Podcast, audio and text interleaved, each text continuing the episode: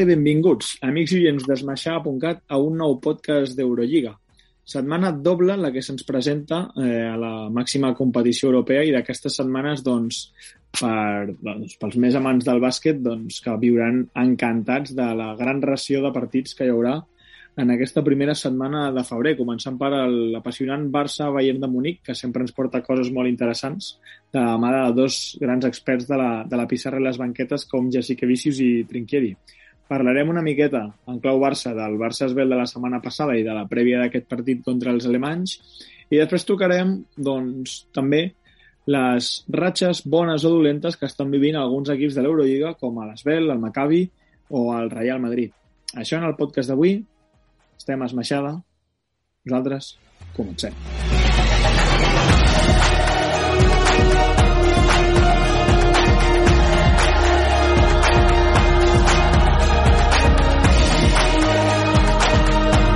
Bé, doncs com deia, hem de, hem de, començar, hem de començar obrint pel Barça, però primer de tot, i abans de presentar també el, el meu company del programa d'avui, que quan ja dic presentar el meu company, doncs entenc que tots, tots ja intuireu qui és, um, perquè no és novetat que sigui company únic, però primer de tot, eh, recordar-vos als nostres, bé, als nostres oients, a part de donar-vos les gràcies per, doncs, per ser cada, cada setmana, per ser fidels oients del, del podcast d'Eurolliga, a escoltar-nos a través d'e-box, els que sou patrons també d'aquests podcasts exclusius que pengem, i els que avui arribeu per primera vegada o, o no ho ha estat sempre, també agrair-vos la confiança que ens, que ens doneu i us animem a seguir, a seguir escoltant, a seguir escoltant i, i com es diu ara, se m'obliden... Bueno, I això, eh, doncs, consumint el nostre contingut, exacte, mm, i dir-vos que com avançava abans, doncs tenim un Patreon d'esmaixada per si voleu donar-nos suport a nivell econòmic, perquè al final és la nostra via de subsistència,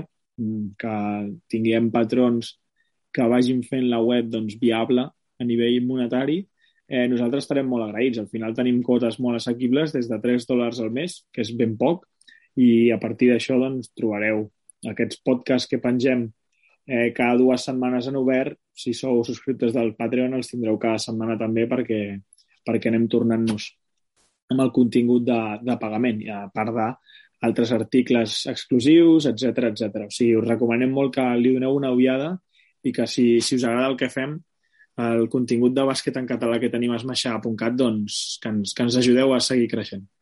I ara sí, eh, Ferran Jodes, com estàs? Eh, molt bé, molt bé, la veritat. Eh, una mica tard avui, la, estem gravant, però, ja, però la veritat és que bé, amb ganes de gravar amb, amb més gent, la veritat, no t'ho negaré. Però bueno, s'ha de complir i aquí estem. Aquí estem. Vull dir, amb ganes al final és, és, és culpa. De fet, també és una miqueta culpa, culpa meva, que al final les hores que proposo per gravar són bastant, bastant ja de la, de la matinada, del dia següent ja, eh, però al final entre compromisos de bàsquet, algun sopar els diumenges i tot, doncs es fa el que es pot. Però bé, t'agraeixo també doncs, que tu estiguis sempre predisposat a gravar. No diré sigui l'hora que sigui, perquè evidentment a les 3 de la matina ja no estaries gravant, però que ara a les 12, bueno, quasi la 1 del matí que ja estem, eh, puguis gravar amb mi i puguis acompanyar-me, doncs també és, és un plaer. Perquè la gent no sàpiga que el Ferran aquí s'està sacrificant ben fort. I com deia, hem d'obrir... Passarem una miqueta de puntetes perquè al final, no sé si estaràs d'acord amb mi, que va ser un partit sense gaire història. Però aquest Barça es veu on el Barça des del principi es va mostrar molt dominador. Eh, potser també fruit del mal moment que està passant l'equip francès, però, però això, els homes de Sarunas Jessica Vicius van, van ser dominadors del, del maig pràcticament, bueno, des, de fet des del principi del partit, on, on van ser diguem, un primer quart molt anotador, de gairebé 30 punts, eh, i a partir d'aquí van controlar el partit a la, a la perfecció. Què, què et va semblar aquest duel entre el Barça i l'equip i l'equip francès? No, jo crec que està, està bastant clar que, que, el, que el final del partit del, aquest Barça Esbel seria un partit dominat pel, pel Barça Sí que sé que el Barça en les darreres setmanes no havia patit la seva millor ratxa ni de jocs ni de, ni de, result, de resultats per, per diferents motius. I, però bé, el, aquesta última setmana ja amb la victòria contra, contra el Madrid al Clàssic de Lliga, que va donar un, una miqueta d'ànims i, i de, de bones sensacions a l'equip, doncs, doncs això va fer, jo crec, aixecar una mica eh, doncs el vol i, i jo crec que tots ens esperàvem doncs, que aquest esbel, que, que a més a més, com, com has dit, doncs, ven una ratxa bastant negativa, doncs que no seria un, un rival realment eh, d'entitat per, per un Barça que, que necessitava aquesta victòria si vol seguir doncs, augmentant una miqueta el marge amb els, amb els perseguidors per darrere, que al final jo crec que l'objectiu d'aquesta primera fase ha de ser doncs, quedar entre els quatre primers sobretot i si es pot eh, el més a dalt possible, està clar, però, però com més a dalt millor per, per tenir un millor sobre el paper, que després et pot tocar un, un EFES de torn que fa una, una fase regular com, com, no, com, no, com no hauria de fer, però sobre el paper un rival més, més, assequible, més assequible perdó, i al final és, és això, no? Jo crec que va ser un partit dominat de, de principi a final per part del Barça, amb, amb jo crec, sobretot, bueno, diversos noms, però sobretot dos que van ser els que van, els que van tirar més del carro, que van ser, doncs, Mirotic, com sempre, eh, una miqueta el seu rol habitual, i, i l'Apro, no? que ja va ser el millor del Barça en el partit d'anada, amb 25 punts, i va tornar a ser el millor de, del Barça en aquesta tornada, amb 20. Eh, sembla que li té agafada la mesura als francesos, eh, però la veritat és que al final l'Argentí ve, ve amb una dinàmica bestial, està jugant molt i molt bé aquestes darreres setmanes, ja tota la temporada en general, però, però sobretot aquestes darreres setmanes està, està ja consolidant-se definitivament com un jugador important i, i sobretot també amb la, amb la tornada de Calates, no? que es, veiem una miqueta a veure per on podia anar. Eh, ara la reassignació de rols dels bases del Barça, però de moment tant, tant el propi Calates que ha tornat bé i potser no sumant a nivell, molt a nivell estadístic, però sí a nivell de sensacions i, i enriquint el joc de l'equip, eh, Després, doncs, el propi Jokubaitis, que segueix jugant els seus minutets i segueix fent-ho bé i creixent, i, i el propi Lapro, que potser ens esperàvem que, que patiria una mica una decaiguda, però més, més lluny, o sigui, res més lluny de la realitat perquè s'està readaptant un, una mica el rol de, de dos, no? Últimament està sortint com a titular Higgins, que, que està pues, encara amb molèsties i encara està recuperant-se de tot, doncs, doncs està tenint un rol una mica més secundari i és l'Apro el que està tirant del carro des d'aquesta posició de dos i fent-ho molt bé. La veritat és que el partit va, va ser poca història i, i molt domini per part del Barça, que jo crec que és una mica el que s'esperava. Has, has esmentat el nom de Higgins, Ferran, eh, quan, bé, quan, has, quan has explicat això, de que últimament el Barça doncs està obrint els partits amb, amb la Provitola, fruit del seu bon rendiment. I jo m'atreviria a dir fins i tot que ara mateix Nico, Nicola Provitola és el millor, el millor U2. O sigui, el que està, o el, el que t'està tenint l'1-2 amb el rendiment més alt ara mateix del Barça, perquè ja no només són les jornades d'Eurolliga, també el cap de setmana contra en el derbi català contra la Penya, eh, va ser el millor jugador dels, de l'equip blaugrana, eh, va aprofitar doncs, la llei de l'ex, no? que diuen, vull dir, no només jugava bé contra el Madrid, sinó també va jugar bé contra la Penya, i, i bé, i està, està rendint molt bé, com deies, per davant d'un Corey Higgins que va sortir de fet, el, el dia del cap de setmana va ser baixa contra l'equip verd i negre per problemes a la fàcia plantar, van dir. Tu creus que ara mateix, tal com està en aquest moment de la temporada, a un mes, bueno, menys un mes, de fet, a tres, dos, tres setmanes de la Copa, eh, i, i també, vull dir, al final, amb la trajectòria que està portant el Barça a la Lliga CB i a, i a l'Eurolliga, i amb el rendiment que estan tenint jugadors com l'Apro, i amb el rendiment que ha tingut Jokubaitis quan ha tingut continuïtat en el joc i la tornada de Calates, creus que, per exemple, Corey Higgins és un jugador que ara mateix eh, faria bé el Barça de guardar una miqueta la nevera, de cuidar entre cotons i tal, o creus que l'ha de forçar, entre cometes, o sigui, Sares, creus que Corey Higgins la seva lesió arriba en un moment en el que, mira, es pot permetre al Barça aturar-lo o, o no? No, sens dubte que s'ho pot permetre. Jo crec que és el millor moment possible fer-ho ara, abans de la Copa. Jo crec que l'objectiu al final eh, de que l'altre dia no jugués i, i de que, sincerament, dubto que en aquesta jornada doble que ens ve ara eh, torni a, a jugar. Eh, jo crec que l'objectiu és donar-li descans, que es vagi recuperant d'aquestes molèsties, que sobre el paper són això, unes molèsties. Veurem, perquè ja és reincident amb aquesta fàcia plantar, eh, i és una lesió, la veritat, bastant... Jo com a, com a estudiant de, de preparació física t'ho puc dir, eh, que és una lesió molt, molt fotuda. Eh, ja ho va, ja ho va patit el Barça amb Navarro en fa uns anyets. I amb Clavé també. Bastant, ja. no? El què? I amb Clavé també, veritat?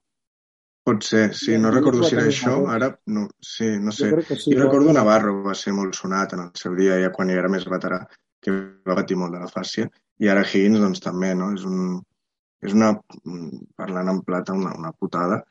Eh, i, I la veritat és que jo crec que és el millor moment. Ara queden encara, estem a dia 1, queden eh, 16 dies per la Copa, eh, així que jo li donaria tot el descans possible. Tens a, a Calates ara que ha tornat, tens a Jokubaitis, a la Pro, i fins i tot, bueno, el propi Kuric i a, i a, hi ha Exum, que no l'hem mencionat, eh, no l'has mencionat tu, crec, eh, com, a, com a jugadors que, que la veritat és que jo crec que la posició, les posicions de 1, 2 i fins i tot la de 3 eh, estan relativament ben cobertes. Està clar que un jugador com, com Higgins sempre se'l troba a faltar perquè, joder, és un, un dels millors jugadors de l'equip i d'Europa.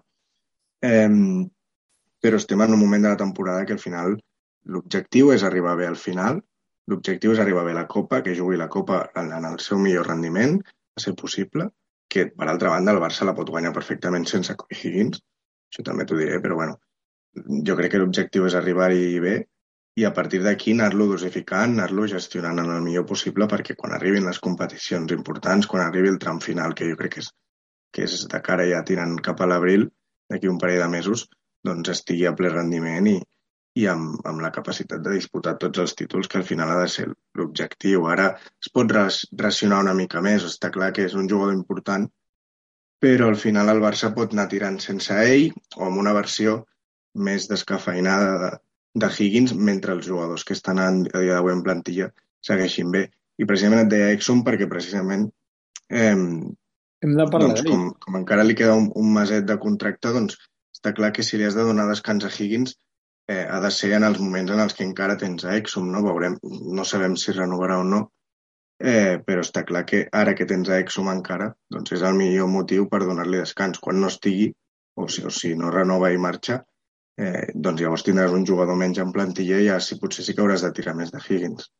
Mm. De fet, va venir davant de la, de la baixa de, de Cori i de també Nick Calates, pels problemes que hi havia això en la línia exterior, Eh, recordem que el Barça va, va disputar partits d'Eurolliga um, bueno, de fet van arribar a debutar Rafa Villar al marge de també Ubal i, i els minuts de, de Caicedo, que sí que és veritat que Caicedo ha estat més, més recurrent també en ACB. Però, eh, com deies, has esmentat el nom de l'australià perquè el, quedant-li un any de contracte o un any... No, no, sí, un any de contracte perquè s'acaba... Ai, un any, que dic un any, un mes, perquè el seu contracte acaba el 28 de febrer clar, hem de, hem de parlar d'ell perquè bàsicament l'hem d'anar analitzant cada setmana segons el que, el que ens sembla, el que veiem i, i el que opinem d'ell a falta d'això, de veure si el Barça li prorroga el que, el que, pel que resta de temporada, però l'altre dia va tornar a jugar, va tornar a tenir minuts.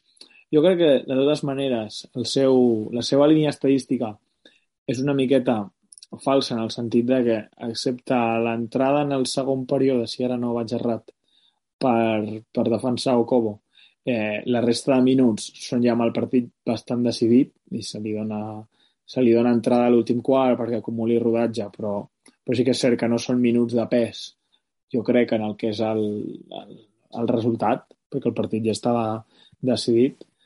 Eh, però què, què et va semblar? Vull dir, dintre, dins d'aquests minuts que ja no que potser ja no tenien, o sigui, sota el, el meu punt de vista, ja no tenien tant de pes en el resultat, perquè el Barça ja es veia com a clau guanyador del partit i el propi Esbel també ho veia així.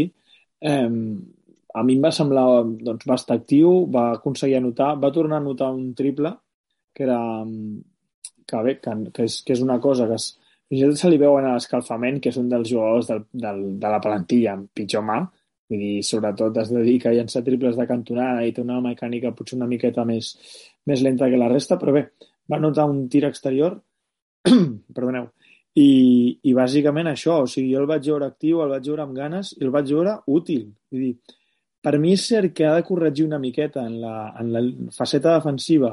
A vegades té massa ímpetu per buscar, per buscar el contacte, per ser agressiu sobre la pilota i per ser agressiu sobre el jugador atacant i es carrega amb facilitat de faltes. Li va passar a Mokobo, tal i com li havia passat en el seu dia contra Efes amb Misic, o sigui, acaba tenint un problema, acaba, acaba el jugador carregat de faltes tot i jugar pocs minuts, però sí que és cert que jo penso que al final, pel físic que té, és, és una peça que el Barça hauria d'explotar en aquest mes que li queda de contracte. Sí, sí, sí. Bueno, hi ha diverses coses. La primera és, és dir-te que amb el tema del, de l'escalfament, jo que, que estic allà des de primera hora, m'atreviria a dir que és dels que menys falla. Eh? O sigui, es passa, es passa bona, bona part de l'escalfament tirant de, de triples de cantonada, com bé has dit, i sí que és cert que sorprèn perquè té aquesta mecànica una mica així, entre lenta, una mica rara, però, però el tio, per lo menys ja et dic, l'escalfament, és dels que menys el veig fallar, eh? O sigui, m'atreviria a dir quasi que falla, veig falla més triples a Mirotic a l'escalfament que a Exxon després, òbviament, el partit ja és una altra cosa. I, i al final fa bé d'escalfar de, aquests triples de cantonada perquè pràcticament tots els que tira en partit són des de la cantonada. Eh, crec que el que va ficar l'altre dia era des d'allà i, i al final no és un especialista ni molt, ni molt menys, però és un jugador que pot, pot ficar sense cap tipus de, de, de problema. I, I bé, tu deies això, no? que contra l'Esbel va jugar sobretot l'últim quart, amb els minuts ja que podríem quasi catalogar de, de la basura. Eh, però després, amb la baixa de Higgins, eh, l'altre dia, per exemple, contra la Penya surt de titular i juga 21, més de 21 minuts, que no està malament eh, fica un triple també, o sigui, va, tenir, va, va sumant minutets ara. Eh, L'altre dia Eurolliga juga menys, perquè el Barça també estava Corey Higgins eh, en, encara en plantilla i, i juga menys, però, però després contra la penya pues, sí, que, sí que disfruta fins i tot d'aquesta titularitat. No? Llavors, doncs bé, veurem què, què acaba passant amb ell, si, si, si ara va sumant minuts aquest últim mes de contracte i, i, si, i a veure com acaba el tema, però jo l'opinió que tinc sobre ella, i bueno, ja la saps tu, Uri, la sabeu tots els del, el del podcast, i crec que ho hem ja mig comentat la setmana passada, que jo personalment, si de mi depengués, eh, per mi seria, tal i com té la plantilla estructurada avui al Barça, el 3 titular de l'equip, que de fet és el que va ser l'altre dia contra la Penya, el 3 titular, perquè diria que el Barça va obrir amb Calates, Lapro i, i Exum. Eh, I al final és, bueno, els meus motius per, per dir això, perquè estem, al final estem parlant d'Exum que sempre ha jugat o porta tota la seva carrera jugant de base escolta a l'NBA i aquí el, jo el demano com a, com a 3 que al final ja ho hem debatut alguna vegada, no? el tema dels dosos i dels tresos a Europa, que cada cop hi ha menys diferència entre, entre aquestes dues posicions.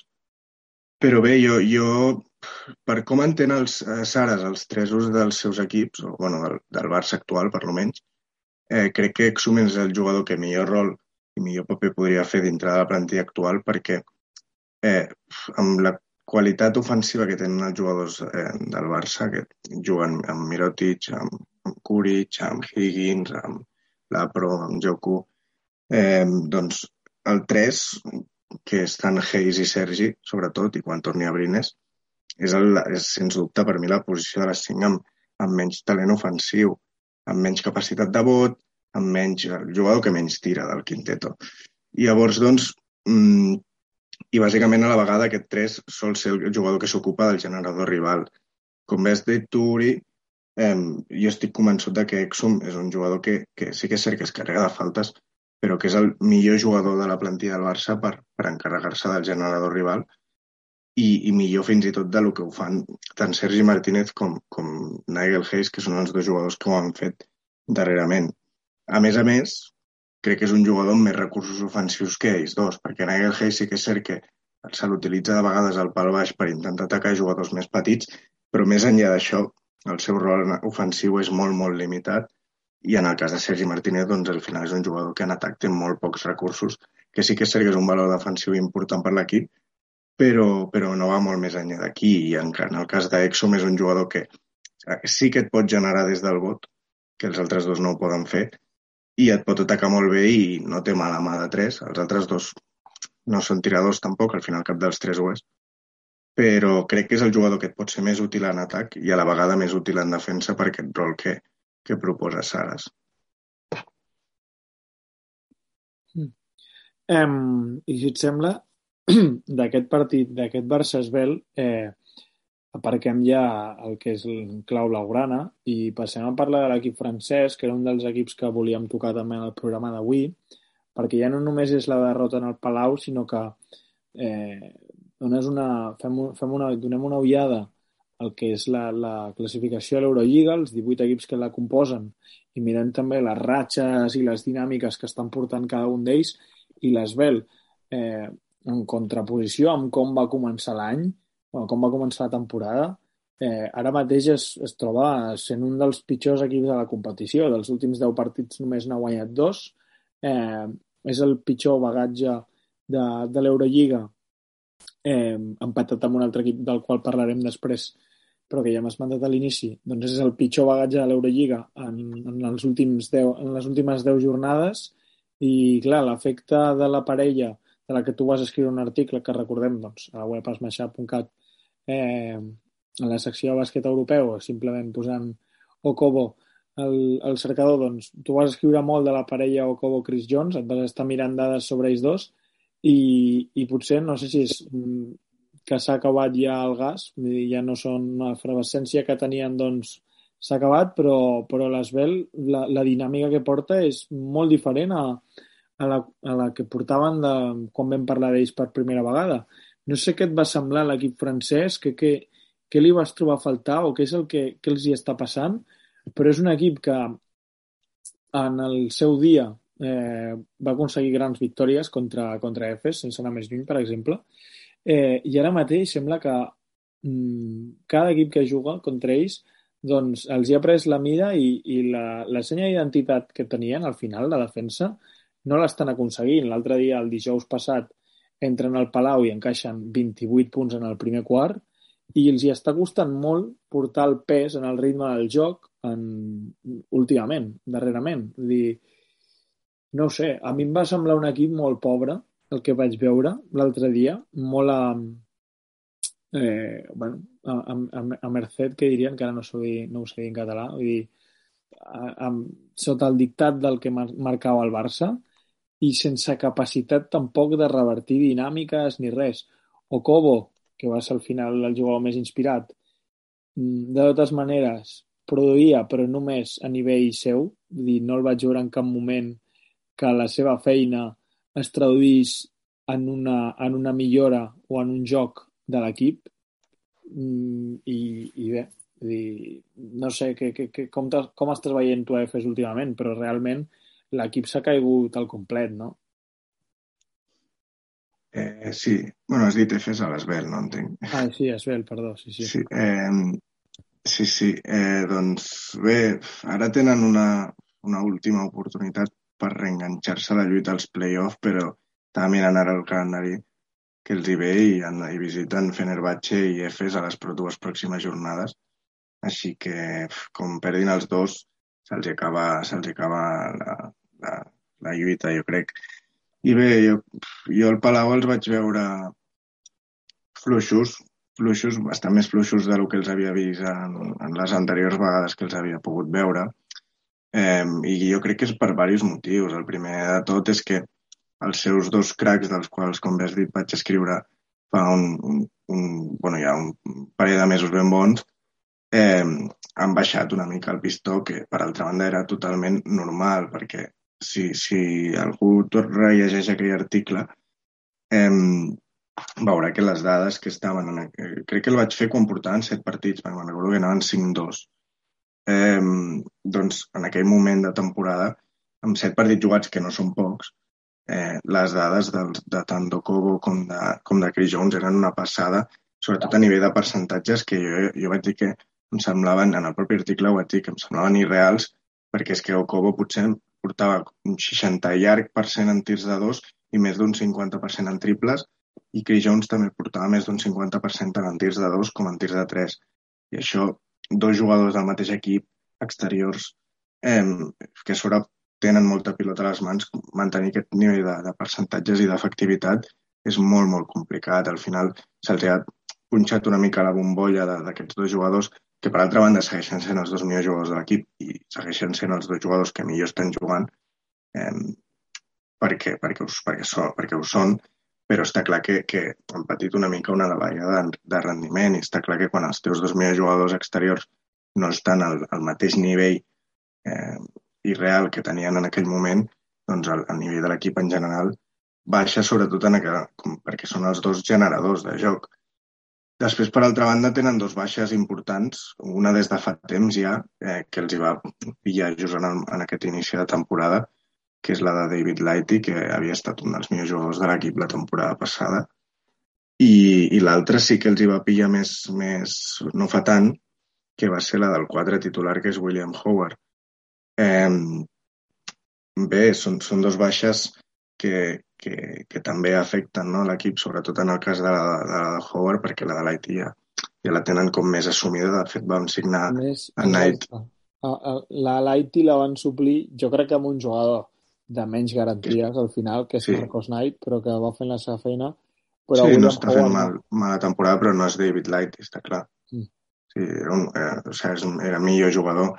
I en el cas de la de Howard, doncs, doncs és una baixa bastant sensible que jo crec que els ha acabat de matar una mica perquè eh, aquesta posició de 4 la tenen bastant millorable, la veritat, perquè William últimament... Howard també estava sent... bueno, és per percentatges un dels, un dels millors tiradors exteriors de l'equip. Mm. I quan el treus de la plantilla, l'altre dia, per exemple, al Palau es ve el, no, eh, crec que bueno, perquè ho he vist abans, crec que acaba amb un 15% en percentatge exterior i ara mateix situat al voltant del 30 baix, 33, 32, més o menys, crec, és un dels pitjors de la competició. Vull dir, clar, suposo que el fet d'haver perdut, perdut també aquest llançament exterior hem de tenir en compte que, clar, mm, són no, no, està clar.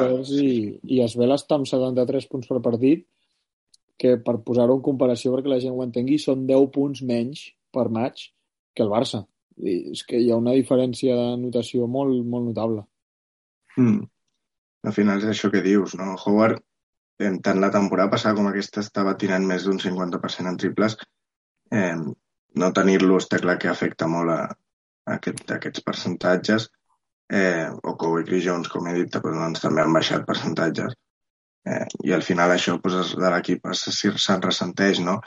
A sobre, doncs, a aquesta posició de 4 tens a, a Osetkowski, que és un jugador que a mi personalment em diu molt poc, ara amb molt més protagonisme perquè, perquè tens aquesta baixa de Howard, que, bueno, que també jugava de vegades al 3, eh, però...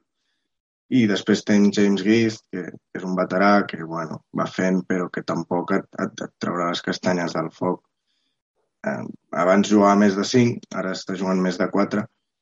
Eh, però, però la veritat és que és una davallada important. A sobre, en aquesta posició de 4, Eh, tens a Wembanyama que no, no hi és, o sigui, no juga, que s'esperava d'ell molt més del que està donant, ha jugat només sis partits en el que va d'Eurolliga.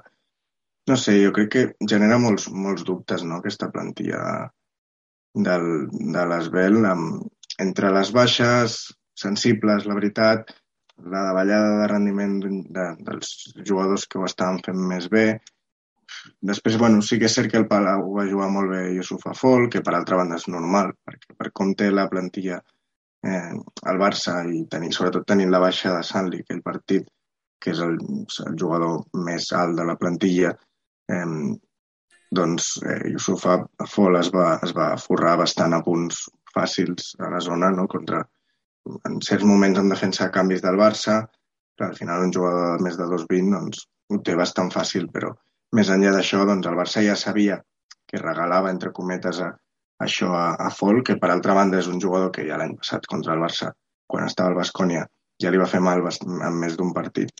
Però regalava això sabent que evitava mal per altres vies i que realment no era preocupant, no? I al final és això. Jo crec que Esbel és un equip que ha de, ha de canviar certes coses mm, si vol tornar a tenir alguna mínima opció de, de, de fer alguna coseta en aquest tram final d'Eurolliga perquè les sensacions que donen ara és d'equip que, que no, no li dona per, per, per arribar. I això que tenen, doncs, no tenen mal equip, però sobretot tenen aquest, aquest eh, Okobo que, que ha estat un dels grans descobriments, però que, que només amb, amb ell a ple rendiment eh, doncs no, no els hi dona. Creus que, que és factible, ja per acabar amb els francesos, creus que és factible que s'acabin movent en el mercat eh, en busca d'un 4 que els hi doni potser aquest tir exterior que, que està faltant eh, de cara a mirar de lluitar, de lluitar pel playoff? Atesos també a que no està tan lluny, fruit d'aquesta, de, de la mala, de la dinàmica tan, eh, bueno, doncs una miqueta fosca i peculiar que està portant Efes, que no acaba de, al final, rotllar arrencar i està tenint uns... Ara mateix, de fet, Efes està fora del playoff, d'aquest Bayern de Munic, que tampoc és un equip consistent i que jo crec que no és d'un nivell gaire més superior a, a, a Esbel. O sigui, estan en aquesta terna amb Efes, Bayern, eh, Fenerbahce, creus que es deixaran anar i passaran de tot? O sigui, que el seu projecte és més a llarg termini és una cosa que si estigués l'Artau aquí també ens podria explicar, perquè al final ell sempre creu és dels que pensa que l'Esbel de veritat és l'Esbel de l'any que ve, que Okobo al final té, vull dir, es quedarà, tindran Chris Jones, Okobo, el segon any de Wembayama. Um, tu creus que esperaran o que veient el playoff a prop podrien intentar moure's eh, per la posició de 4? Perquè també pensem que ara mateix en el mercat no crec que hi hagi gaires quatres doncs, d'aquests que, que puguis que puguis portar a l'equip. No sé, no sé què pensaran allà a França, però tampoc se'm venen gaires noms al cap. No, i, i ara que mencionaves a Wembanyama, que, que m'ho he buscat per curiositat, eh, perquè, també perquè em sonava, eh, que he dit abans, he mencionat abans que no estava jugant, bé, ara no està jugant, realment ha jugat poc igualment, eh? o sigui, crec que no hagués jugat molt més, però potser sí que amb la baixa de William Howard ha jugat alguns minuts més. Porta lesionat des de finals de desembre, o sigui, porta, porta un mes lesionat eh, i quan es va lesionar van dir de 4 a 6 setmanes. O sigui, en teoria hauria d'estar a punt de tornar ara o la setmana que ve. Eh, així que ho, ho corregeixo perquè m'he equivocat. Jo pensava sincerament que sim, simplement no estava comptant i no, no recordava que, que s'havia lesionat. I precisament ara, aprofitant que, que torna, doncs jo crec que tenint en compte que, que potser les seves opcions sí que és cert que passen per, per un, perquè guanyin ja un parell de partits seguits i es vinguin, i es vinguin a dalt, perquè com, com aquests dos partits que he mencionat abans els perdin, realment les seves opcions s'acaben definitivament, o sigui, estan penjant d'un fil eh, es vela a nivell d'optar pels play-off. I, I bé, jo no sé si els hi surt més factible jugar-se al tot o res, fitxar algú així a la desesperada i buscar un miracle, o, o anar ja apostant, ara que tornarà Wembanyama d'aquesta lesió, anar apostant per ell, anar veient que es desenvolupi, passar entre cometes de playoff, que bé, si sona la flauta guanyes un parell de partits que es pot guanyar també, eh, doncs intentar-ho, però potser ja mirar més en vistes a aquest futur, no signar ningú i apostar per, per aquest, per aquest eh, jove jugador que, bueno, que estic jo mencionant sempre com a 4, també juga de vegades com a 5 perquè és un tio enorme, saps? és un tio de pràcticament 2,20 i amb uns braços llarguíssims. Eh, però bé, eh, són les dues opcions. O intentes eh, fer una mica la bogeria d'anar per algun 4 que puguis trobar i, i buscar a veure si et pot donar alguna cosa, o ja penses a, a més a mig plaç i apostes per, per Wembanyama i, i ja tires amb el, amb el que tens. No sabria dir-te, la veritat. Veurem. Tu has donat, jo crec, en la tecla el fet de que al final aquests partits contra Efes i Fenerbahce marcaran una miqueta la dinàmica, perquè al ser rivals directes i ser tan propers, eh, bueno, més que la dinàmica, marcaran el, el destí i les decisions que hagi de prendre de prendre l'Esbel. Jo estava mirant i, a veure, sempre sona el típic nom de Jonas Jerebko, crec que Jerebko no té equip ara mateix, així que al final és un 4 que, mira, et pots arribar a plantejar, però clar, i tenint aquests dos partits decisius tan a prop, eh, bé, veurem què, veurem què succeeix, perquè això... A veure, clar, perquè aquests dos partits no, no, no arribaria a ningú ni de conya si són és aquesta clar, doble jornada que arriba ja d'allà. O sigui, Exacte. No, la cosa és això, és veure com va aquesta jornada, i a partir eh, aquesta doble jornada, i a partir d'aquí decidir. Si tens sort i rasques un o els dos i et poses en la lluita, doncs potser sí que et renta i et val la pena invertir. Si els perds els dos i, i et caus definitivament, doncs ja jo crec que, crec que el millor seria eh, doncs no fer res i... i apostar pel, pel que tens. Mm. Eh, veurem. Eh, abans de continuar, doncs, fem una petita pausa per eh, bé, descansar una miqueta nosaltres també, no, però descansar sobretot oients de, de les nostres veus. Us fem una petita pausa musical i en seguida tornarem per parlar de, bé, de Maccabi i de, i de Real Madrid, dinàmiques oposades en aquesta Eurolliga i, i bé, que cal parlar-ne cal parlar-ne de les dues una miqueta. Petit, petit recés i en seguida tornem. You're waiting by the phone. Yeah, just hang up. I promise you, you'll never be walking alone.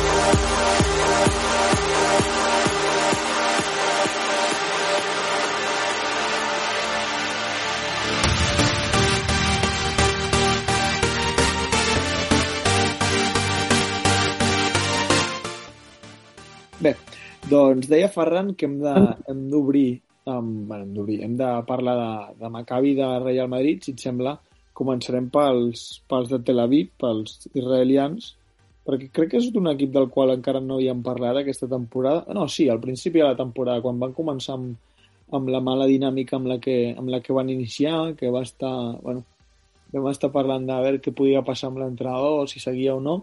Després és cert que van encadenar un seguit de, de victòries consecutives i Maccabi va passar a ser un equip doncs, que pintava que podia entrar que podia acabar entrant a, a playoff però, però lluny, de, lluny de, de ser el que ha passat eh, últimament, igual que Esbel, o sigui, és l'altre equip que porta pitjor ratxa, és dels últims 10 partits només n'ha guanyat dos, i és que al mes de desembre Bueno, que són els dos últims, que val últims. a dir-ho. Mm. El mes de desembre va perdre els sis partits que va, que va disputar i clar, o sigui, un equip que semblava que estaria dins de playoff ara mateix estan en dotzena posició i per això que dius, perquè han guanyat els dos últims, han començat, doncs aquest mes de gener han guanyat els dos que han disputat, però bé, segueixen sent números molt pobres per un projecte que en principi a l'estiu amb els fitxatges de, de Jalen Reynolds, entre d'altres, eh, i bé, sota la batuta al final del de sempre de Scotty Wilbekin, doncs, havia, pintava una miqueta doncs, millor del que, del que està sent. No sé, tu com estàs veient aquest Maccabi de Tel Aviv? Molt inconsistent, no? Perquè recordem el partit del, del Barça al final, que el Barça és un dels millors equips de, de segon millor equip ara mateix, segons la classificació de l'Eurolliga. Eh, el Maccabi, doncs, com un rodet, va passar per sobre, però després el que diem, el mes de desembre, mm, horrible, sis derrotes consecutives, 0-6, eh, ara en guanyen dos de seguits. No sé, jo estic veient molta inconsistència, potser fruit també de la, de la falta de continuïtat que hi ha en els seus, en els seus jugadors emblema, no? Vull dir, Keenan Evans és un jugador que ha arribat aquesta temporada i que et actuacions doncs, bastant dispars, o sigui, combina bons partits amb partits en els que passa pràcticament desapercebut. Scotty Wilbekin tots sabem del que és capaç, però sí que és cert que hi ha dies que desapareix una miqueta o que està extremadament erràtic. Ante Isic potser és un pivot que no acaba de quallar amb l'estil més dinàmic i, i elèctric de, del, d'això, del floor general de Scotty Wilbekin, i, I bé, no sé, vull dir, tu què opines d'aquest Maccabi de Tel Aviv? Creus que tenen els, el que s'ha de tenir per, per arribar a playoff o que són un equip que, que probablement es queia a les portes?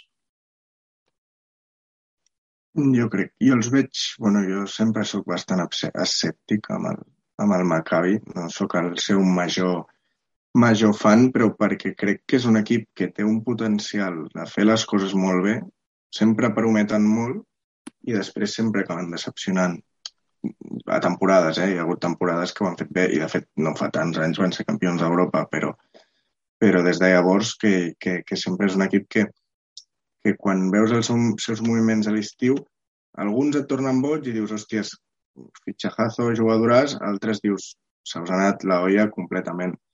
I aquest estiu jo em va passar molt això, no? Per una banda van fer fitxatges que, que a mi em semblava que estaven bé, eh, com, bueno, ara sí, com per exemple James Nunnery, entre d'altres, i després, doncs, jugadors que, com Derrick Williams, com Jalen Reynolds, que aporten coses bones, però uf, a mi no, no m'acaben de començar. Després, doncs, en el cas de Derrick Williams, doncs, sí que és cert que ara, jo crec que un dels motius també de la davallada d'aquestes aquest, derrotes consecutives que van tenir va ser que, que Derek Williams va patir també una mica un, una davallada de rendiment, que per altra banda és normal perquè va quallar un inici de temporada molt, molt, molt positiu, va tenir una ratxa de rendiment molt bona i, i al final és el que dius, no? Jo crec que amb el Maccabi mmm, és que no sé molt bé com, no sé, és que tu has definit bé. Tenen una, una quantitat de jugadors que hi ha dies que sí i hi ha dies que no, que,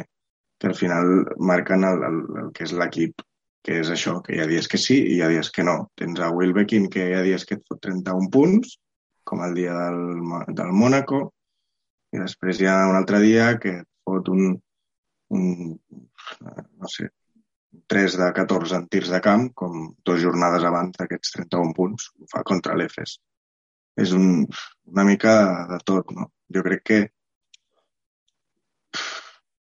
és que no sé molt bé què pensar d'ells. Jo els veig fora més que res per això. No? Ara sí que sé que els hi venen dos partits que poden guanyar perfectament, jugant contra Zalgiris i contra Bayern, que Bayern és un partit importantíssim perquè és l'equip que marca el tall de playoff, però després, després tenen el que tenia l'Esbel, no? Tenen eh, CSK i EFES seguit. Eh, així que veurem. Jo jo no sóc, com t'he dit, no sóc molt, molt, no, em, no confio molt en ells per aquesta irregularitat que, que solen mostrar. Eh, I la veritat és que no espero, no espero gran cosa d'ells. Gent com l'Artau, doncs potser se'ns tiraria al coll perquè ell és un ferm defensor, però, però, però bueno, aquest any la victòria de l'Artau li, li otorguem per l'únic, de moment, però el Maccabi no, no, no, millor, no millor no, dir, donar, no? no dir-li res. Exacte, no li podem donar. A més que sembla que una victòria impossibilita l'altra, perquè mires la nòmina d'equips en playoff i, i, si, i si, si acaba entrant Maccabi serà perquè s'anirà fora doncs, únics, perquè FS és complicat, Olympiacos tampoc crec, i la resta són equips bastant playoff clinchet, no? Vull dir, ja, que ja és així, encara que no sigui matemàtic, em, són equips que, que ja entraran sí o sí. Eh, veurem. I és que, és que em, em refirmo amb el que he dit abans eh, i en la línia el que estaves esmentant tu ara, potser falta aquesta consistència en el Maccabi, en l'actuació dels seus líders, etc. per la sensació també que em donen de que a vegades és un equip molt anàrquic, molt poc estructurat que tampoc és així perquè al final, sense una estructura i sense un estil de joc doncs, que s'entreni dia a dia i que es treballi, no, no, no aconsegueixes victòries com les que han aconseguit. O sigui, recordem, el Maccabi va quallar una de les seves millors actuacions aquest any contra el Barça al, això, al pavelló de la, de la Madalies, guanyant de 17 punts, crec, si no vaig equivocat, però vull dir, sent superior al Barça al llarg dels 40 minuts. Eh, un Maccabi que al final doncs, més falla a la banqueta i el bloc eh, Zizic, Wilbekin, mm, el bloc més, nacio bueno, més nacional de jugadors que ja estan més aclimatats allà com, com Di Bartolomeo, Caloyaro, etc. Eh, amb aquest mateix bloc que al final es manté, doncs també van aconseguir la victòria l'any passat contra, contra el Barça. Eh, és, és un equip que és capaç del millor i evidentment que hi ha una feina d'entrenador i de, de banqueta, d'entrenaments darrere, però la sensació de que eh, aquest saber el que juguen, aquesta idea de joc clara, aquest estil reconeixible que tu veus en equips grans com el Barça, com el Madrid, que per això estan al davant, que veus el segell d'entrenador allà, eh, el propi Xesca d'Itudis, que és reconeixible, l'Efes de Taman, que tothom sap el que juga i com juga. Vull dir, aquesta, aquest ordre, aquest conèixer cadascú el seu rol, el seu paper a, a desenvolupar i el que ha de fer cadascú, eh, en aquests equips, doncs, en principi, a priori, exitosos, està, i no sé si tens la sensació com jo que en Maccabi no és així, que a vegades regna una miqueta l'anarquia, el caos, que hi ha jugadors que encara no han entès què han, què han de fer i què han de ser, que per això existeixen aquests altibaixos. Que Jalen Reynolds no està quallant la temporada que va quallar l'any passat a, a Bayern, impossible fer-ho, vale? però clar, dir, jo crec que ara mateix la temporada de Jalen Reynolds està molt lluny de ser una temporada que diguis doncs és una bona temporada. Eh, no, no és dolenta, però no està al nivell i clar. és normal. O sigui, qui, qui, qui s'anava a creure que Jalen Reynolds faria... O sigui, el rendiment real de Jalen Reynolds era el de la temporada passada? Ningú. Clar. I és un bon pivot, eh? però no era... O sigui, l'any passat és que era quintet Euro Euroleague. No, no va ser-ho, però podria haver-ho sigut. I, i és que no s'ho creu ningú que anava a mantenir el rendiment. No s'ho creu ningú. Clar, vull dir, ac acabant... No sé, la, la, la sensació aquesta de que no que a encara li falten partits. O sigui que la plant... jo tinc la sensació de que la plantilla aquesta potser li falta un base més. És un base que deixi a Wilbekin eh, en ocasions no ser el que, el que organitza, sinó ser més el vers lliure, que, que diem moltes vegades aquí perquè, perquè al final és, és vocabulari que, que hem acabat adoptant i que, i que utilitzem moltíssim. Doncs potser un base més que, que doni estructura, organització i que permeti a Wilbekin ser aquest vers lliure i, i sobretot entrenaments, no? que potser els hi falta un any. Que ja és dir, o sigui, és, és ser molt benèvol amb un equip que al final té la plantilla que té, però que, que potser l'any de Maccabi és més l'any que ve si mantenen el bloc que no pas aquest any, no? No sé què dir-te, eh? És que jo me'n mantinc el que m'ha dit abans. Eh, no ho sé. Si no es classifiquen per playoff aquest any, és que em prevec que l'estiu de Maccabi serà l'1 de cada estiu. Tres baixes, eh, tres fitxatges eh, estranys, alguns, de jugadors de qualitat però que no encaixen, i un any més eh, amb la mateixa història. Jo, jo veient com porten el, rum, el rum del projecte, m'espero això, que potser em sorprenen i, i fan les coses bé per un estiu, doncs potser sí, no ho descarto però jo Maccabi és el típic equip que, que molt bombo, molt bombo, però després sempre acaben eh, fotent-se al, al, al pal l'hòstia. I, I no veig per què, que potser després canvien, però no veig a dia d'avui, per lo menys, no veig per què hauria de canviar aquesta, aquesta dinàmica una mica autodestructiva, pràcticament. Mm.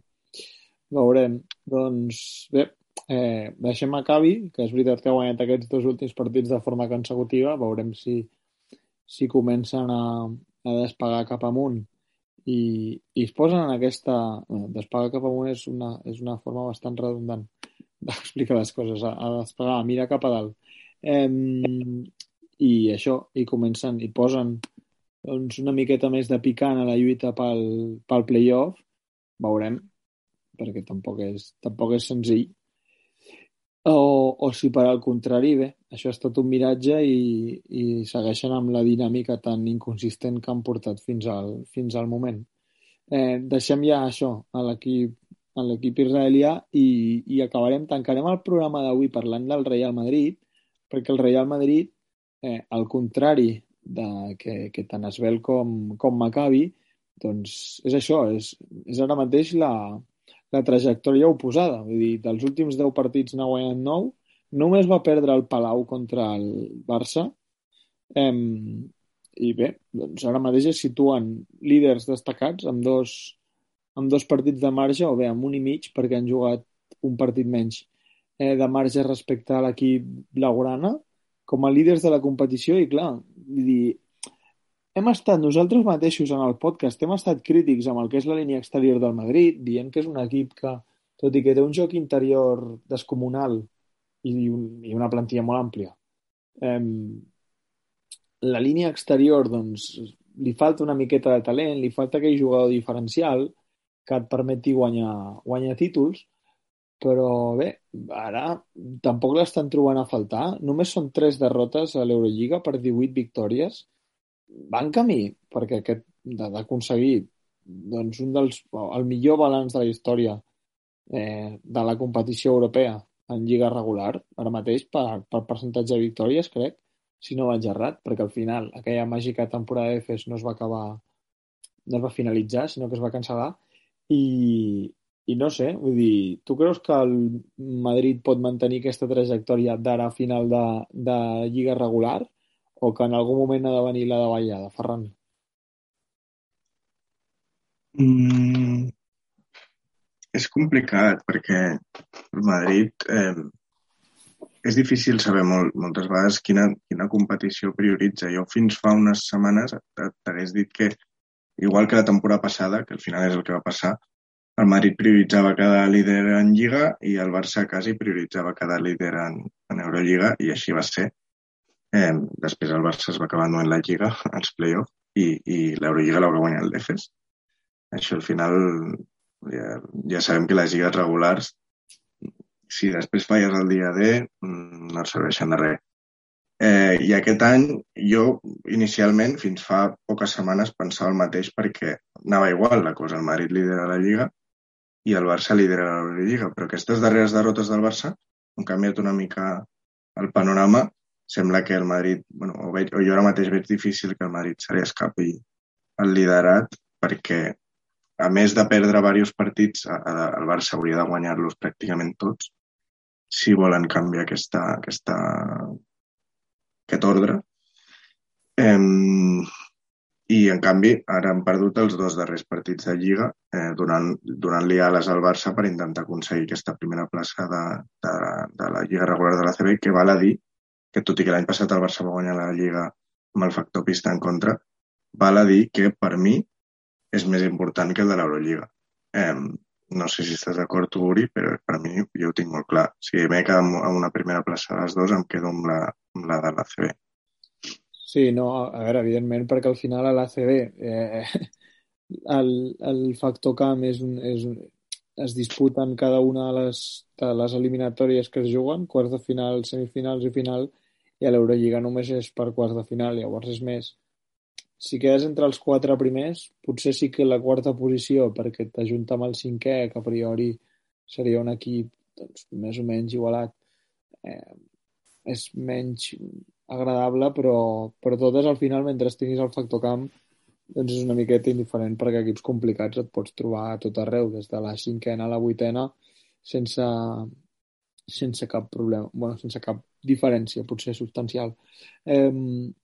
No, bueno, jo doncs bé, bueno, això que deia del Madrid, eh, seria això, no?, del tema de prioritzar classificacions, i després ja a nivell individual, entrant amb el tema de, de l'equip, doncs al final jo crec que s'està notant ja doncs, que el Madrid està amb la plantilla ja pràcticament, podríem dir, al complet. Randolph va tornar fa poc eh, i ha tingut els seus partits, ha tingut els seus més i els seus menys, però ha tingut sobretot bons partits. Eh, ta, eh, Tompkins, perdó, també ha, ha tornat a un rendiment bastant destacable. No estan, òbviament, sent el Randolph i el Tompkins de fa uns anys, perquè per davant tenen un senyor que diu Yabusel, que és una autèntica bèstia, i, i ells tornen de, de les seves respectives lesions. A més a més, el fitxatge de, de Dec, al final, bueno, han traspassat a, a Vucevic a, al Partizan, però, però bé, el, el Madrid sí que és cert que, com mencionaves tu abans, eh, per mi segueixen tenint falta d'un exterior top, perquè tenen molts que són molt bons, però no tenen cap que sigui top, com el Barça sí que té amb Calates i amb Higgins. I, i al final és això, no? Tenen molts jugadors que hi ha dies que sí, hi ha dies que no, però el bo que tenen és que tenen una bateria tan gran de jugadors que quan no és un és l'altre i, i entre aquestes coses i que a sobre el Madrid té aquest esperit de, de, que, de que precisament abans de, ho comentàvem, no? de partits que han arribat a l'últim quart eh, perdent, eh, acaben guanyant, no? que com mencionàvem abans, que era, no me'n recordo ara la xifra, sí, han, han arribat perdent el tercer quart vuit partits i dels quals han acabat guanyant set. Això em sembla una autèntica barbaritat, eh, que a més, ara que ho penso, l'únic partit que han perdut en aquestes condicions és el del Barça, el Palau. Tota la resta de partits que han arribat al final del tercer quart perdent els han acabat guanyant i això parla molt bé de lo que és el Madrid, no? Mm, I al final és això, poden tenir el cara... O sigui, al final, com tots, tindran molts partits que els hi queden encara molt complicats, però sembla mentida i eh, no sé com s'ho fan, que acaben, acaben guanyant-los, no? Per exemple, ara ve a la ment el partit del CSK, que era un partit que, que ja hi vam parlar al seu dia, que sent una mentida com el van poder treure, i el van treure, no? Pues al final això, això és el, el Madrid i sincerament veig molt complicat que se'ls escapi aquesta primera plaça per, per tot això que he anat comentant. Mira, et, de totes maneres volia, volia afegir una cosa, bueno, afegir una cosa. Eh, bueno, sí, afegir, al final, dir-li a l'audiència, explicar-li, narrar-li que les properes jornades del, del Madrid, per si no, no t'has fixat, o sigui, les properes quatre jornades, és cert que tres són a casa, però si en algun moment ha de punxar, o sigui, si en algun moment hagués de perdre el Madrid, i deixar una miqueta de, de marge a la resta per intentar-li prendre aquest primer lloc, perquè si no sí que estic d'acord amb tu que serà molt difícil, doncs pot ser en, la, en, en aquests propers partits, perquè eh, rep la visita d'Olimpiakos, rep la visita a Zenit, dos equips. És cert que Olimpiakos fora de casa no està gaire bé i tampoc està, està tenint una dinàmica... Ha baixat una miqueta el pistó respecte a l'inici de la temporada, però bé, segueix sent un equip de la part alta Zenit, tots coneixem a Xavi Pasqual a la perfecció i, i, i bé, doncs, evidentment és un equip que hauria de plantar cara contra qualsevol. Després d'aquests partits, eh, ha d'anar a la pista a Fenerbahce, setmana que ve. A més que eh, són partits, crec que enredarits algun d'ells i per tant són, són molt seguits. Jo diria que el de Fenerbahce sí, és, és jornada 18, o sigui, és un partit d'aquests enredarits. I, I després rebrà la visita al Barça. Hi ha un duel clau el, el dia 11 de febrer. Una cosa, Uri. Fener arribarà sense els dos cracs, no? Encara aquestes dates o... Sí, crec que sí, però al final jo crec que Fenerbahce, vull dir, el, a visitar la pista turca eh, no, mm. no ha de ser senzill. O sigui, sí, en principi el Madrid és, és favorit, eh? Però és el que dic, vull dir, la, el, el moment més difícil jo crec que si el Madrid sobreviu a aquesta ratxa de quatre partits té la part bona que tres són a casa i Fenerbahce ve amb les baixes que ve, però si sobreviu aquests quatre partits... Eh, ho, té, ho té pràcticament fet, eh, ja. Enllaça després un partit sen, a priori senzill, com el de Zalgiris, amb un altre una miqueta més complicat, que és la visita a la pista al Xesca de Moscou. Això ja després tot plegats del Guiris i Xesca després de la Copa del Rei, però, però això, vull dir, si aconsegueix, jo crec que sortir, sortir prou bé, amb tres victòries d'aquesta sèrie de quatre partits, eh, el Madrid mirarà prou... Bueno, doncs jo crec que ja apuntarà bastant cap a jo, aquesta... Jo per mi, jo per mi el, el que ho marcarà tot una mica és. El que marcarà si el Barça encara pot lluitar per aquesta primera plaça serà igual que va passar amb la Lliga la setmana passada, el Clàssic. Mm. Que al final és això. També la primera plaça per la Lliga semblava impossible i guanyant la setmana passada el Clàssic, el Barça es va posar a dependre de només d'ell mateix. No passarà amb l'Eurolliga perquè es porten dos victòries i hauran jugat els dos partits. S'es portarien, si guanya el Barça, es portarien una victòria encara i, ja, i no hi ha més clàssics, per tant, no dependria el Barça de si mateix, però es posaria molt més a prop. Al final el clàssic t'ho marca, marca una mica tot. És el fet I a sobre que... serà una bona, una bona prova just abans de la Copa, més. Sí, són, és, és el fet aquest de que al final, si li guanyes el teu rival directe, són victòries dobles o derrotes dobles en cas de perdre. És un partit que t'apropes i, un, i un partit que l'altre eh, s'apropa a tu, també.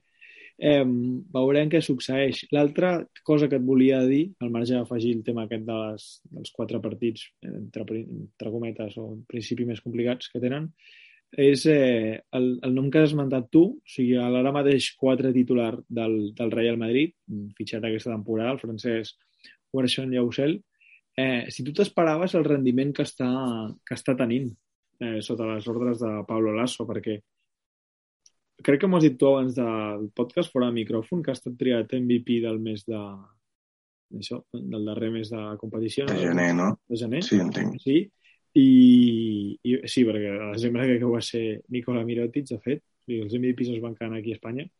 Mm. Doncs això, ja va ser l'MVP del mes de, de gener i, i ara mateix jo crec per darrere de Tavares o a l'alçada de Tavares, o sigui, així, així, així amb Tavares, millor jugador de la plantilla blanca, no?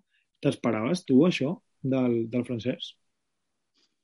Sí, um, bueno, si em fessis dir Tavares crec que és, és per mèrits propis el, el, o el que hem de considerar el millor majúscules jugador del Madrid eh, però, però està clar que Jabursel sí, està sent el seu el, el segon molt probablement. És que no hi ha un jugador que tingui ja no només els seus números, que, que tampoc, perquè, perquè si tu mires els números de la plantilla de Madrid no hi ha un jugador que s'acosti, de fet és el màxim anotador, fica més punts que, que Tavares, amb percentatges molt decents, 60-40, tant de dos com de tres, i ja fora de números, que crec que són una mica irrellevants també quan parlem de, de jugadors d'aquest calibre, em, Bussel li està donant moltíssim al Madrid. Per mi, més del que m'esperava, i m'esperava. I em va agradar molt el fitxatge. O sigui, jo vaig, jo vaig eh, dir que era un fitxatge que, em semblava top en el seu moment, que sabia que era un jugador que, que potser sí que és cert que els creava cert overbooking a les posicions interiors, però en aquell moment, quan el van fitxar, tant Randolph com, Tom, com, Tom, com Tompkins perdó, estaven lesionats eh, i fins fa poc no han tornat, així que realment ha estat bastants mesos ell, ell sol en aquesta posició. Eh, i, I al final, és com bé dit, eh, m'esperava un fitxatge top i un jugador amb rendiment immediat i, i d'un dels millors quatres d'Europa, però no tant com el que està tenint fins ara. O sigui, mira si està jugant bé, o per almenys en la meva opinió està jugant bé, que tot i esperar-me un rendiment, un molt bon rendiment, per mi està superant fins i tot aquestes expectatives i per mi s'ha fet això que està compartint posició amb dos cracs de la posició de quatre europeus com són Tompkins i Randall, perquè són dos dels millors, també, eh, que, que ningú s'arribi a plantejar que li passin per davant cap dels dos. No? Imagina't si està jugant bé, que, que, que per molt que estigui compartint posició amb dos bitxos, eh, sigui l'indiscutible i, i el crac del Madrid en aquesta posició. És que diu molt de lo, bé, de, de, de, lo que està fent aquest senyor eh, aquesta temporada. Mm. Eh, no, no, completament d'acord amb tu. Al final és un jugador que talent NBA en, en té, eh? Com, de fet, també n'ha tingut Randolph en els seus millors anys. Era un jugador que, que era jugador per estar a la NBA, però que va, tornar aquí, va venir aquí a Europa, més que tornar, va venir a Europa i, i s'hi va acabar quedant. Llabusel és un jugador que no ha trobat al final un lloc a l'NBA. Des dels Estats Units mmm, no els hi ha acabat d'agradar. Això és alguna cosa que ens ha explicat l'Artau, que està més ficat en el mercat americà, però no els ha acabat de convèncer que el seu físic, o sigui, creuen que està una miqueta passat de pes, però és un jugador que aquí a Europa a, això o sigui, ho ha utilitzat a la, a la perfecció i, i, i bé, dia rere dia demostra que no hi ha mm. gaires quatre, Euro, quatre a Europa. I això, de, i això del pes, em, jo com, bueno, que ja vos el, que jugava al Celtics, jo, jo que, a veure, no segueixo molt NBA, jo, jo, si, si ho escolteu habitualment ja ho sabreu, però jo que sóc dels, dels Celtics i sí que alguna vegada els tenia vistos, jo crec, veient ara Yabusel i veient el Yabusel de, de l'època Boston, jo m'atreviria a dir que, que s'ha primat una mica, que no ha estat... Eh, a l'època de NBA jo el recordo bastant regordete, ara té cool, té cool, però, però jo crec que està més primet, entre cometes, perquè és un jugador pesat, i, i, i no passa res, eh? fa servir el seu pes eh, i el seu cos molt bé, o sigui, és una, quasi ho diria, ho diria com a virtut, però, però crec que en l'època NBA jo el recordo, per lo menys, una mica més pesat i amb un físic sí que més menys imponent, també perquè al final l'NBA és el que és, però que sí que se'l veia més passat de lo que se'l veu ara a Europa i, i a la vegada, i tot i així, et dic que aquest físic li serveix de molt, però, però a mi em dóna la sensació de que sí que s'ha posat una miqueta més a to de lo que, de lo que ho estava l'NBA. Al final és, és constitució també i, i aquí l'ha sabut utilitzar. Potser necessites menys... Eh, pel que se'l volia als Estats Units, se'l voldria un jugador més àgil, perquè al final també amb l'evolució que està patint el, el, el joc allà, doncs els quatre són més eh, tiradors i, i bàsicament també tenen capacitat per votar, etc. I, I bé, allà no va acabar trobant el seu lloc i aquí a Europa sí que l'ha trobat. L'any passat amb Esbel va estar molt bé i jo haig de dir que eh, o sigui, no em sorprèn que ho faci bé, però sí em sorprèn el rendiment que està donant perquè no m'esperava un Llabusel sent MVP d'un mes de la competició.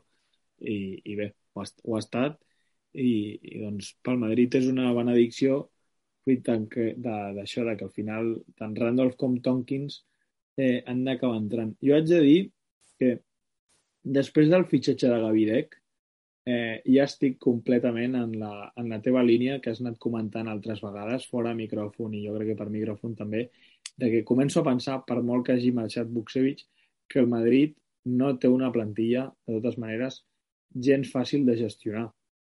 Eh, qualsevol entrenador podria dir, doncs, beneït problema tenir tants jugadors d'aquest nivell, però clar, és que a més es concentren tots en les posicions interiors Entenc que Gavidec, quan tots estiguin bé, l'utilitzarà molt com a 3, però al final el Madrid acaba, està, està tenint, té una nòmina de jugadors